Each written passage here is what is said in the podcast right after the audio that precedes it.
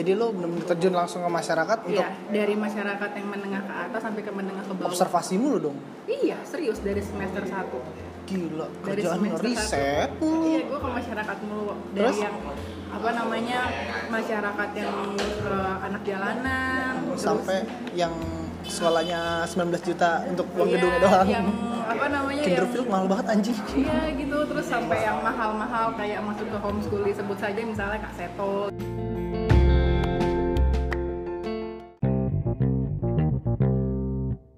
Halo, balik lagi di podcast Mau kenalan Mas Omo. Hari ini gua bikin podcast di luar anjing di Starbucks daerah Menteng. Nggak tau lah nih banyak banget noise yang bakalan masuk tapi bodo amat lah. Hari ini narasumber gue adalah temen SMA gue satu kantor. Sekarang gue banyak lah dramanya anjir gue ketemu dia. Langsung aja kita masuk ngobrol sama dia. Halo Rika. Hai Wowo. Ini nahan malu anjing nih ngobrol kayak gini bangsat. Kiri kanan orang. Kalau anak-anak SMA gue pasti kangen kali ya sama suara gue. Terutama Rio kali ya yang pernah satu teater sama gue. Emang emang kenapa kalau kenapa lo bilang Rio bisa kangen sama suara lo? Jadi dulu kan pas SMA tuh gue pernah ikut teater kan Wo. Nah pas gue ikut teater gue tuh memerankan tokoh dalang terus tokoh Kayak. Parto gitu di OPJ. ya kebetulan dulu OVJ tuh baru Baru banget nongol gitu. kan dengan Ah, caranya dia yang pakai dalam-dalangan gitu. bener banget dan itu gue tuh sebagai dalang sama sebagai apa namanya Nyiraden juga pernah ya pokoknya dengan suara dan karakter yang uniknya deh jadi kalau teman-teman teater sih pasti kenal sama suara gue gitu. Lo lo tuh pernah lomba di mana sih waktu itu? teater Hah? gue ikut FTS sejabodetabek di Gor Yang di Bulungan. Oh, gue kan nonton. nonton Gue dateng tuh, iya dateng anjing. Itu tahun berapa ya bangsa dah? lupa gue wo. pokoknya kelas 1 sampai kelas 2 SMA gue masih aktif lah wo. Di teater. masih gue Masih Sekarang tujuh masih ada di sih teater? masih masih masih lebih bagus malah wo. lebih keren banget serius keren Lo bisa bilang keren lo berkesan lagi. Hmm, waktu itu gue sering ngeliat di IG-nya terus gue juga apa namanya kadang masih kontakan sama Hmm. Akang pelatih teaternya gitu. Oh, jadi di tujuh ada ada pelatih khususnya juga. Ada. Gue nggak nggak nggak ada ngikutin. eh, FYI yang ngelatih itu Kang Nur Kang Nur itu dulu di teater koma Teater koma tuh apa? lo searching deh wo mendingan Iya, gue searching deh. nanti yang kata gue ngejelasin ini lama wo ya biar aja anjir nggak maksud gue gue gue nggak nggak terlalu tahu tentang teater tujuh bukannya gue nggak peduli karena gue juga udah punya kesibukan ekskul iya iya kan tercinta pecinta gue.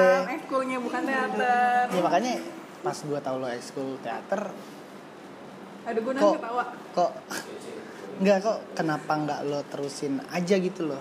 Kenapa lo cuman ikut ekskul sekedar ekskul nggak kenapa nggak setelah lo lo kuliah lo terus lanjutin gitu ekskul lo. Bukan ekskul sih maksudnya minat lo di teater. Eh, enggak sih wo. Karena dulu pas eh, selesai teater gue juga kebetulan jadi ketua satu osis kan ibaratnya. Nggak ngaruh anjir.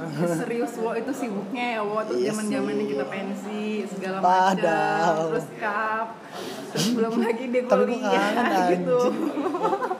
Tapi gue kangen banget anjing masa-masa SMA tuh ya, ya kita kan kelas 2 tahun ya dari kelas 11 sampai kelas 12 dan di situ iya kok gue udah tahu nih ya sekelas sama lu nya anjing. Gimana ya Cir? Lu kadang suka mikir gak sih? Suka kayak pengen ketemu teman-teman lu lagi yang sekarang itu udah susah banget buat ketemu Iya sih, paham sih susahnya buat ketemu kan karena mungkin udah ada yang berkeluarga. Iya. Terus ada juga teman-teman yang kayak lagi lanjutin kuliah di luar atau kerja di luar. Tar dulu, tar dulu. Gue- Oh keluar kota Gue langsung mikir Emang ada temen gue yang kuliah di luar negeri Kayak gak ada dah luar kota, Bu. Iya sih. Nah, terus lu ini sekarang bekerja di gue nanya random banget anjing tiba-tiba nanya sekolah Boleh, kerja boleh. langsung nggak karena Kuliah gue nggak ditanya, baik. ini maksudnya gue nanya kerjaan lo yang karena nyebrang banget dari apa sih itu namanya eh, pekerjaan lo sekarang kalau menurut gue lo ini kuliah di UNJ sebagai pendidikan luar sekolah ya apa sih Iya, bener banget. Bener kan? Pendidikan luar sekolah. Hmm, atau kan atau menjadi guru BP kan ngomong gitu kan Ya ngaco, ini yang perlu gue luruskan nih teman-teman ya. pendidikan luar sekolah tuh apa tuh Eh, jadi gue dulu kuliah itu terima ja- dari jalur senam PTN atau Iya. jalur undangan. Nah, Kalau lu bisa itu- ngambil yang lebih keren anjing kayak ngambil stan mungkin. Ya, nah gue ngambil jalur undangan itu Kenapa? gue awalnya konsul kan sama guru BK gue nggak suka hitung hitungan gue nggak suka matematika pokoknya gue mau yang uh, berhubungan dengan masyarakat gue Oke. mau yang ngomong yang lebih banyak Ngocehnya. ngocehnya ya kan Nah, lo banget dengan dah tuh. passion gue ngocehnya kayak gini ya Nah. oke terus ya udah Rika masuk PLS aja oh ya udah gue milih waktu itu PLS sama apa ya gue lupa Bu siapa yang nyaranin lu? Bu Ais Aduh. halo Bu Ais Oh, boys nggak mungkin denger juga Oh, iya, podcast dengerin. Iya, Bu Ais. Terus? Ya udah gue pilih di UNJ sama Unbrau. Oh. Nah, sebelum gue Brawijaya masuk ya? Iya, Brawijaya Malang. Terus sebelum gue masuk di sana, gue udah prepare duluan. Takutnya gue nggak diterima di negeri, gue masuk juga coba di Al Azhar tanpa jalur eh, tes-tes segala macam. Gue coba pakai jalur rapot Oh. dan alhamdulillah keterima juga di nggak mungkin nggak keterima sih Anda. Rapot Anda bagus. Keterima Anda juga. ini berprestasi sekali gue. Langganan nyontek gue lah anjir. langganan nyontek. Gue kalau dipusing juga gue inget banget anjir Cir. Lo tuh tipikal orang yang bikin kita usaha dulu. Ya kasarnya bukannya gue nggak membenarkan nyontek itu benar ya. Tapi lo yang ngajarin gue cara menyontek yang bijak lah menurut gue. Rika ini tuh dulu pernah bilang sama gue, lo kalau emang nggak tahu jawabannya, ya udah ntar gue kasih tahu. Tapi lo usaha dulu, minimal lo cari tahu apa yang ini yang harus lo setidaknya lo tahu kemampuan lo supaya nanti lo juga nggak bego-bego banget kejem sih ngomongnya cuman kalau gue pikir-pikir iya juga anjing. Kalau gue tergantungan banget sama nih orang tolol gue lama-lama nggak ada pinter-pinternya nah akhirnya akhirnya tetap tetap sih dia ngasih gue contekan. Nggak nggak nih. Terus terus terus Iya, terus eh, udah kan eh, gue diterima juga di Al Azhar di Hmm. komunikasi. ah Nah, terus eh, karena satu dan lain hal, pertimbangan biaya dan segala macamnya juga Hmm. akhirnya oke, eh, ya gue pasti memilih ke negeri. Gitu. Iyalah, Dan karena biaya lebih murah, anjir. terus terus udah gitu gue juga baru tahu di situ ternyata nyokap gue tuh alumni dari PLS juga tapi PLS di Unsri Palembang Tar dulu, lo tahu nyokap lo alumni Unsri di PLS juga? Eh, PLS juga di Unsri itu dari mana? Ketika lo udah masuk kuliah? Eh, ketika gue bilang ma eh, posisinya waktu itu nyokap gue kan di Palembang gue kan broker Iya, iya. kan gue tinggal sama bokap gue. Gue bilang eh, gue telepon ma aku terima di PLS tapi aku nggak tahu ini kuliah apaan. Terus nyokap gue kayak seneng gitu iya mama kan dulu PLS gitu. Gue kira nyokap gue di unsri itu jurusannya ekonomi karena dia pinter ngitung eh nggak taunya PLS terus ya udah deh gue kuliah di PLS pendidikan luar sekolah atau yang sering disebut dengan pendidikan non formal dan sekarang baru banget diganti namanya jadi pendidikan masyarakat. Oh, Dimana- udah ganti sekarang? Ya, jadi pendidikan masyarakat di mana fokusnya itu kita bikin apa ya? kurikulum, kemudian learning Oh, design, jadi tuh syllabus tapi yang bikin-bikin kurikulum tentang pelajaran yang ada di Indonesia tuh kerjaan-kerjaan orang PLS. enggak, gue Oh, belum enggak. selesai Oh, ya udah, ya udah. Kebiasaan emang gue kayak gini. Dengerin gue dulu. Ya oke, maaf. Iya, jadi itu tuh uh, untuk yang lembaga non formal kayak kursus, PKBM, paket ABC, kemudian Oh. homeschooling gitu. Jadi untuk yang di luar benar-benar Ibaratnya kita 12 yang tahun ngedesainnya lah gitu. Yang Kalau- ngebikin isi materi pelajarannya lah ya. Ya, terus kita juga belajar andragogi. Andragogi itu ilmu yang mempelajari orang dewasa. Di mana kalau sesama orang dewasa tuh kita nggak boleh menggurui segala macam. Dan lebih banyak yang gue suka di PLS tuh kita tuh ke masyarakatnya, observasi, wawancara, nggak yang hanya belajar teoritis. Terus gue cuman duduk di bangku kuliah tuh nggak kayak gitu. Oh jadi lo benar-benar terjun langsung ke masyarakat untuk Iya, dari masyarakat yang menengah ke atas sampai ke menengah ke bawah. observasi mulu dong. Iya, serius dari semester 1 Gila, dari kerjaan semester riset. satu. Iya, gue ke masyarakat mulu. Dari Terus? yang apa namanya masyarakat yang eh, anak jalanan, terus Sampai yang sekolahnya 19 juta untuk uang iya, gedungnya doang. Yang apa namanya yang Kinderfield mahal banget anjing. Iya gitu, terus sampai yang mahal-mahal kayak masuk ke homeschooling sebut saja misalnya Kak Seto gitu-gitu. Oh, kalau kaset tuh jatuhnya Itu non formal. non formal. Jadi kali ini dari PLS juga mungkin kali ya banyak-banyak anak. Iya, tapi kalau misalnya untuk pengajarnya pasti kan ngambil dari spesialis bidang studinya, misalnya Oh, bahasa iya. Indonesia, Enggak, bahasa enggak. Inggris, Cuman kalau untuk kurikulum-kurikulumnya timnya lo lah ya. ya bisa dari PLS dan dari teman-teman teknologi di pendidikan gitu sangat se- selaras dengan pekerjaan sekarang anda ya sebagai lo nyindir lo dari lo. orang yang ngasuh anak orang India sampai sekarang lo udah menjadi apa-apa di kantor. Pagi-pagi anjing gue dibilang wow gue deg-degan. Kenapa cir? Gue mau meeting. Ya lo biasa juga emang meeting anjing kerjaan lo. Tapi sekarang nggak beda. Bedanya kenapa cir? Ya gue mau meeting sama Irjen Kemenkes di saat tengah-tengah covid lagi anjing. Lu ngapain tiba-tiba meeting sama Irjen Kemenkes yang dia tuh jabatannya Kemenkes Irjen kan iya Nah, lu langsung ngobrol sama dia ngomongin apaan sih anjir maksud gue? Wah teman gue jauh sekali karirnya, wah, wah, padahal satu kantor tapi, tau lah, lain Ya, cerita. itu buat salah satu proyek doain aja supaya cepet gol amin Ini untung buat lo apa ada untung buat gue juga sih kira-kira? Memanfaatkan anjing sekarang aja jajan gue dibayarin. Ya ini gue yang modalin loh ini. Nih gue dijajanin es coklat yang beliin bangke. Nggak tahu diri banget gue jadi laki. Nah sekarang lo kerja lo kan di PP manajemen ya. Sebagai? Marketing eksekutif riset dan konsultansi. Masih masuk sih tapi tetap nggak ada. Ada nggak sih pendidikan pendidikannya Eh, kalau menurut gue wo secara kurikulum dia gila berat banget omongan gue kurikulum. Ya nggak nggak gue entengin bahasanya gini ilmu dari kuliah tuh pasti kepake kayak misalnya dari komunikasi Yeah. terus gimana nanti cara kita berhadapan dengan orang bedanya dulu gue mungkin berhadapannya dengan masyarakat terus Ah. dengan masyarakat eh, yang paket-paket PKBM Iya, gitu. iya, iya. Kalau sekarang lebih ke dengan apa ya klien kayak Hmm. usianya Bapak-bapak jauh banget. gitu. Wah, ayah lebih muda juga ada. Sebenarnya dulu di PKBM yang umur 30 tahun baru ikut paket A juga ada, wo. Gitu, beda di umur 30 pendidikannya. tahun baru ikut paket A paket A itu SD kan Iya, paket A secara SD. Ya, itu saking semangatnya mereka untuk belajar. Ntar gue mikir loh di Jakarta berarti masih ada orang yang belum sekolah dong Oh, tentu dong. Terus apa gunanya PKBM itu kalau nggak ada?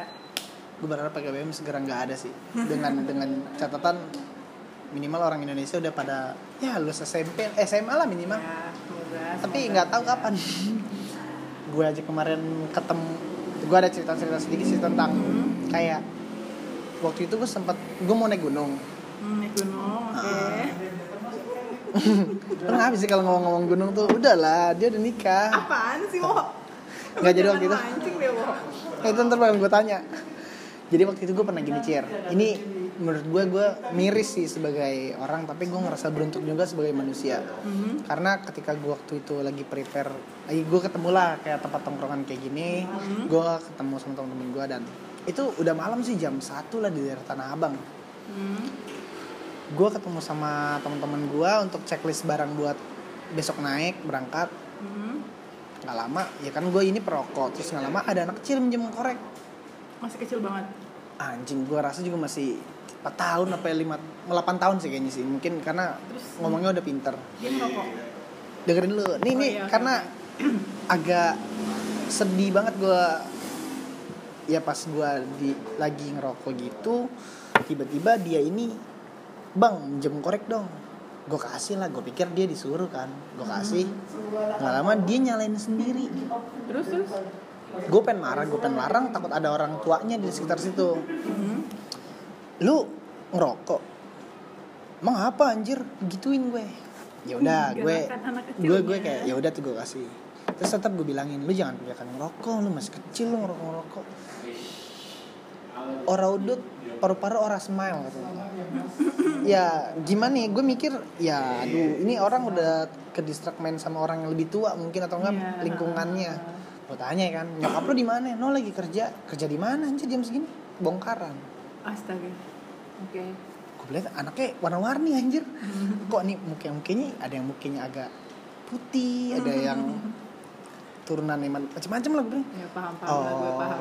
ternyata mungkin itu anak hasil dari Ya. maaf ya bukannya gue mendiskreditkan pekerjaan status sosial keluarga orang tapi mungkin ya itu efek dari Pendidikannya kurang. juga. pendidikan kurang. Orang tuanya ini ternyata PSK dan Dibutuhin.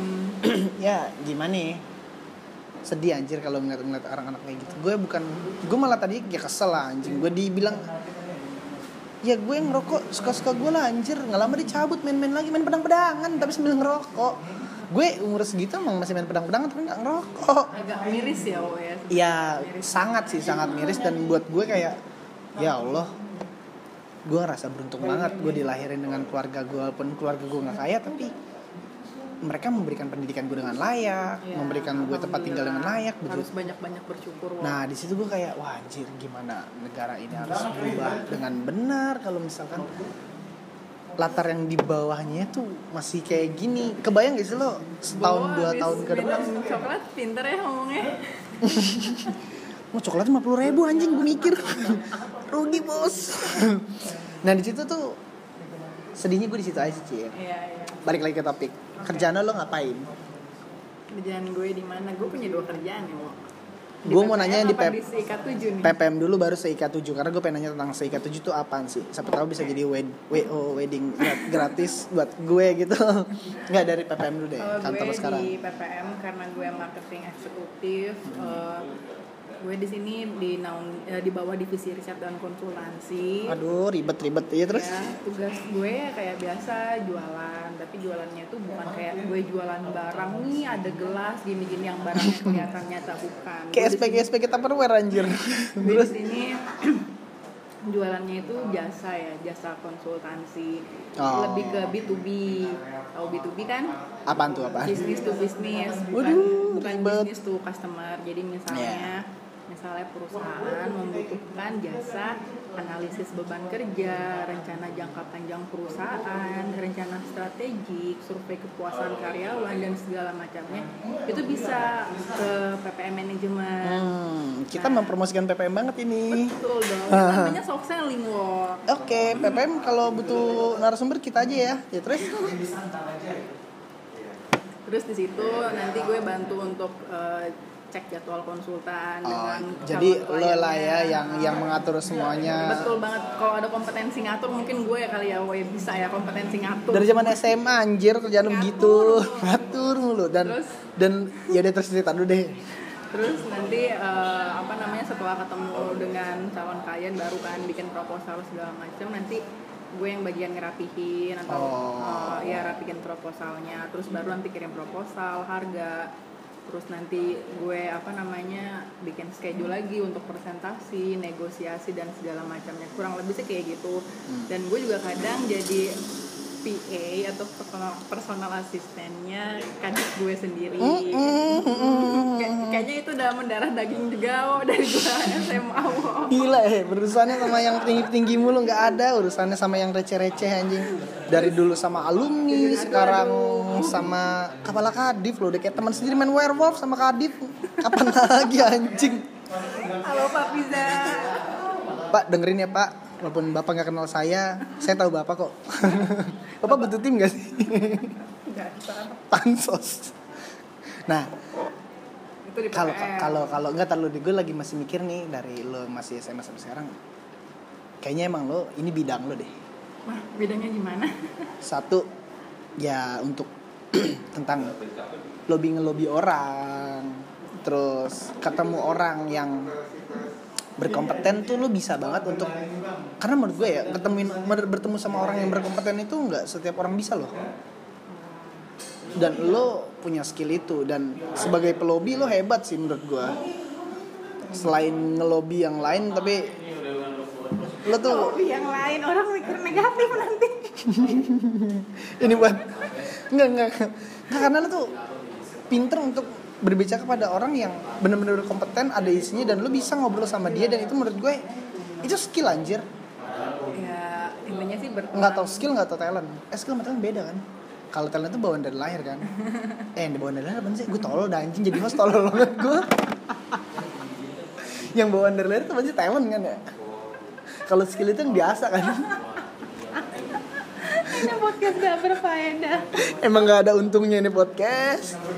Terus nah itu yang gue pikir ya gue tuh pernah bilang sama lo cir lo kalau lo nggak tahu lo inget apa enggak suatu hari lo jadi apa-apa di sebuah perusahaan gue siap cir jadi asisten lo. Iya, lo inget gak pernah ngomong kayak gitu Dan- dan- aja dan sekarang dia udah bisa ngajak gue kerja di PPM dan jadi kita satu kantor anjir.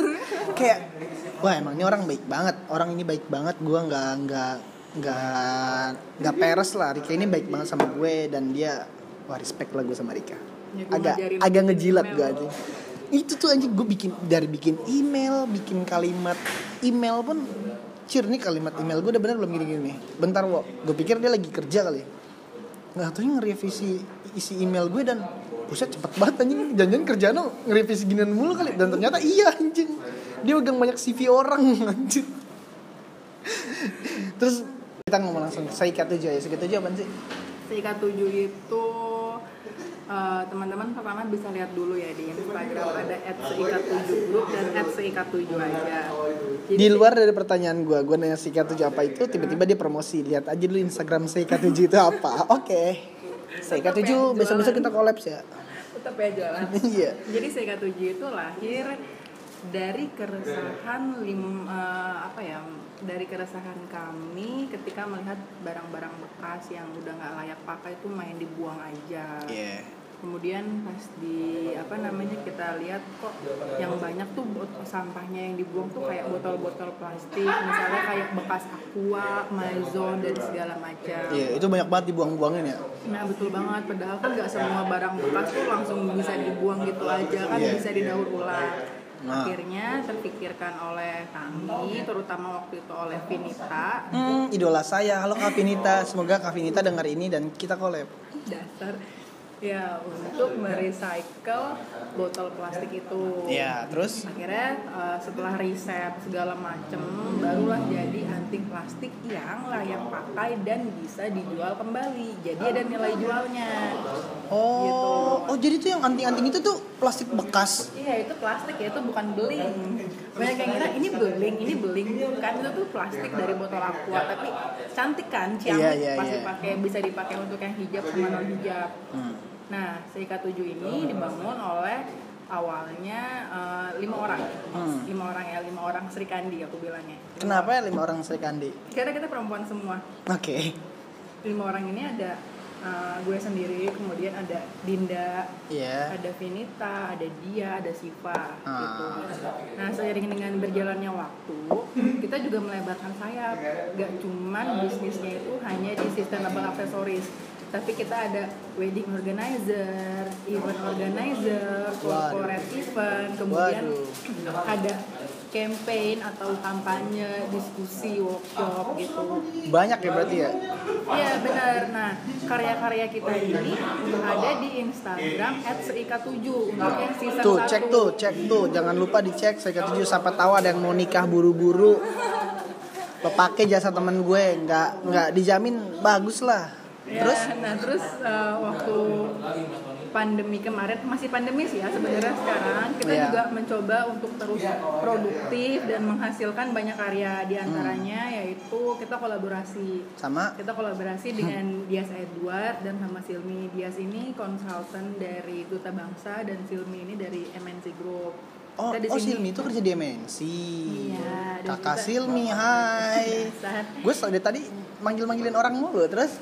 Dan kita itu di sini bahas tentang toxic people Ah. dijauhin atau dideketin ya karena kan sekarang banyak banget orang- orang yang suka ngomong toxic toxic terus toxic people tuh apa sih toxic Iya, worker iya. tuh apa sampai ke toxic relationship itu juga Hmm, ada hmm, tanpa hmm, kita sadari gitu.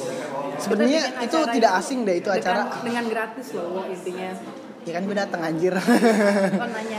kan gue jadi penutup yang indah kemarin menanyakan tentang mantan yang masih toksik dalam hidup kita. Ya, dengar tuh. Terus Terus next di uh, diskusi yang kemarin kita juga ada tentang memahami fase quarter life gitu. Itu yang- quarter life crisis karena kita kan usianya kebanyakan udah ada yang mau 25. setengah abad lah ya 25 udah ada yang bingung kayak ditanya nikah PS2 atau kapan nikah atau yang udah punya anak ditanya kapan mau nambah anak lagi bla bla bla segala macam dan itu tuh pertanyaan-pertanyaan yang selalu akan muncul dan timbul terus menerus. Iya, Ah. gitu. Jadi tergantung gimana kita menyikapinya. Iya benar Gitu. banget. Dan di situ dibahas. Yap, betul banget. Kita di situ kolaborasi sama Wolu Ruang Diri. Wolu Oh. Ruang Diri itu konsultan tentang pendidikan. Iya, iya, iya.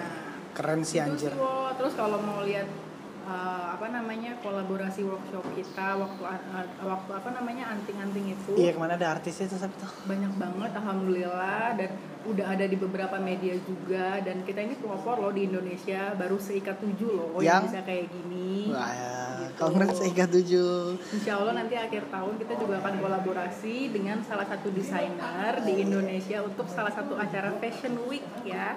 Jadi bulan Oktober ya Insya Allah Oktober. Di mana? Ditunggu aja, didoain aja. Nanti dong. Biar pada kepo. Gila tiba-tiba dia mau collab sama salah satu desainer hebat yang disebut boleh gak sih Jangan. Gak boleh disebut lagi anjing. aja. Pokoknya ntar lo Oktober lo tungguin itu ada acara event gede di Jakarta Di Indonesia coy. di Indonesia loh. Itu ada Seika 7 anjir. Kemarin tiba-tiba dia cerita si kampret tiba-tiba anjing lu makin mantep aja karir lo gue mau kali gue podcast gue harus terbang juga nih.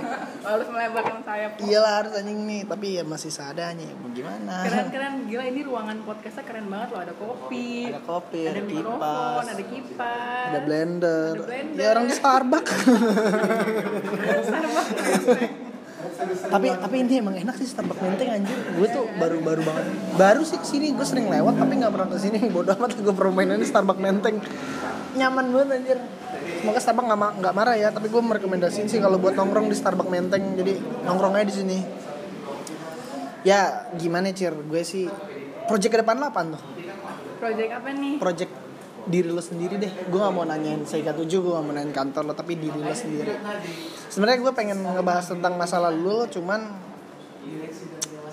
ntar aja lah ya, part 2 lah ya. Gue bakal bikin podcast lagi kok sama lo. Gila, bikin sama gue sampai ada part 2-nya. iya lah karena karena lo ditembak dengan pacar lo di Ketala SMA adalah momen teruwu yang pernah dilakukan angkatan kita tuh. Nah, itu teru pada zamannya. Kalau sekarang sekarang nggak ada sih. Nggak ada yang bikin video kayak gitu-gitu. Ketua saya brengsek sekali ternyata. Ya udah. Project lo ke depannya apa? Hmm, kalau buat diri sendiri ya semoga gue lebih dewasa sih lo, terus lebih bijak, terus eh, nggak muluk-muluk semoga adik gue cepat Selesai ya. selesai kuliahnya masih semester gue juga sih terus orang tua sehat. Amin semoga, amin amin. semoga corona ini bisa cepetan kelar. Iya nih biar- corona memang brengsek banget anjir gue benci banget. juga balik lagi gitu. amin amin amin. Ya. sih sama apa ya ya menikah sih pasti ada tapi nggak tapi nggak dalam waktu dekat ini. Target lo nikah kapan? Umur berapa? gue nggak muluk-muluk yang penting nggak lebih dari umur 30 tahun.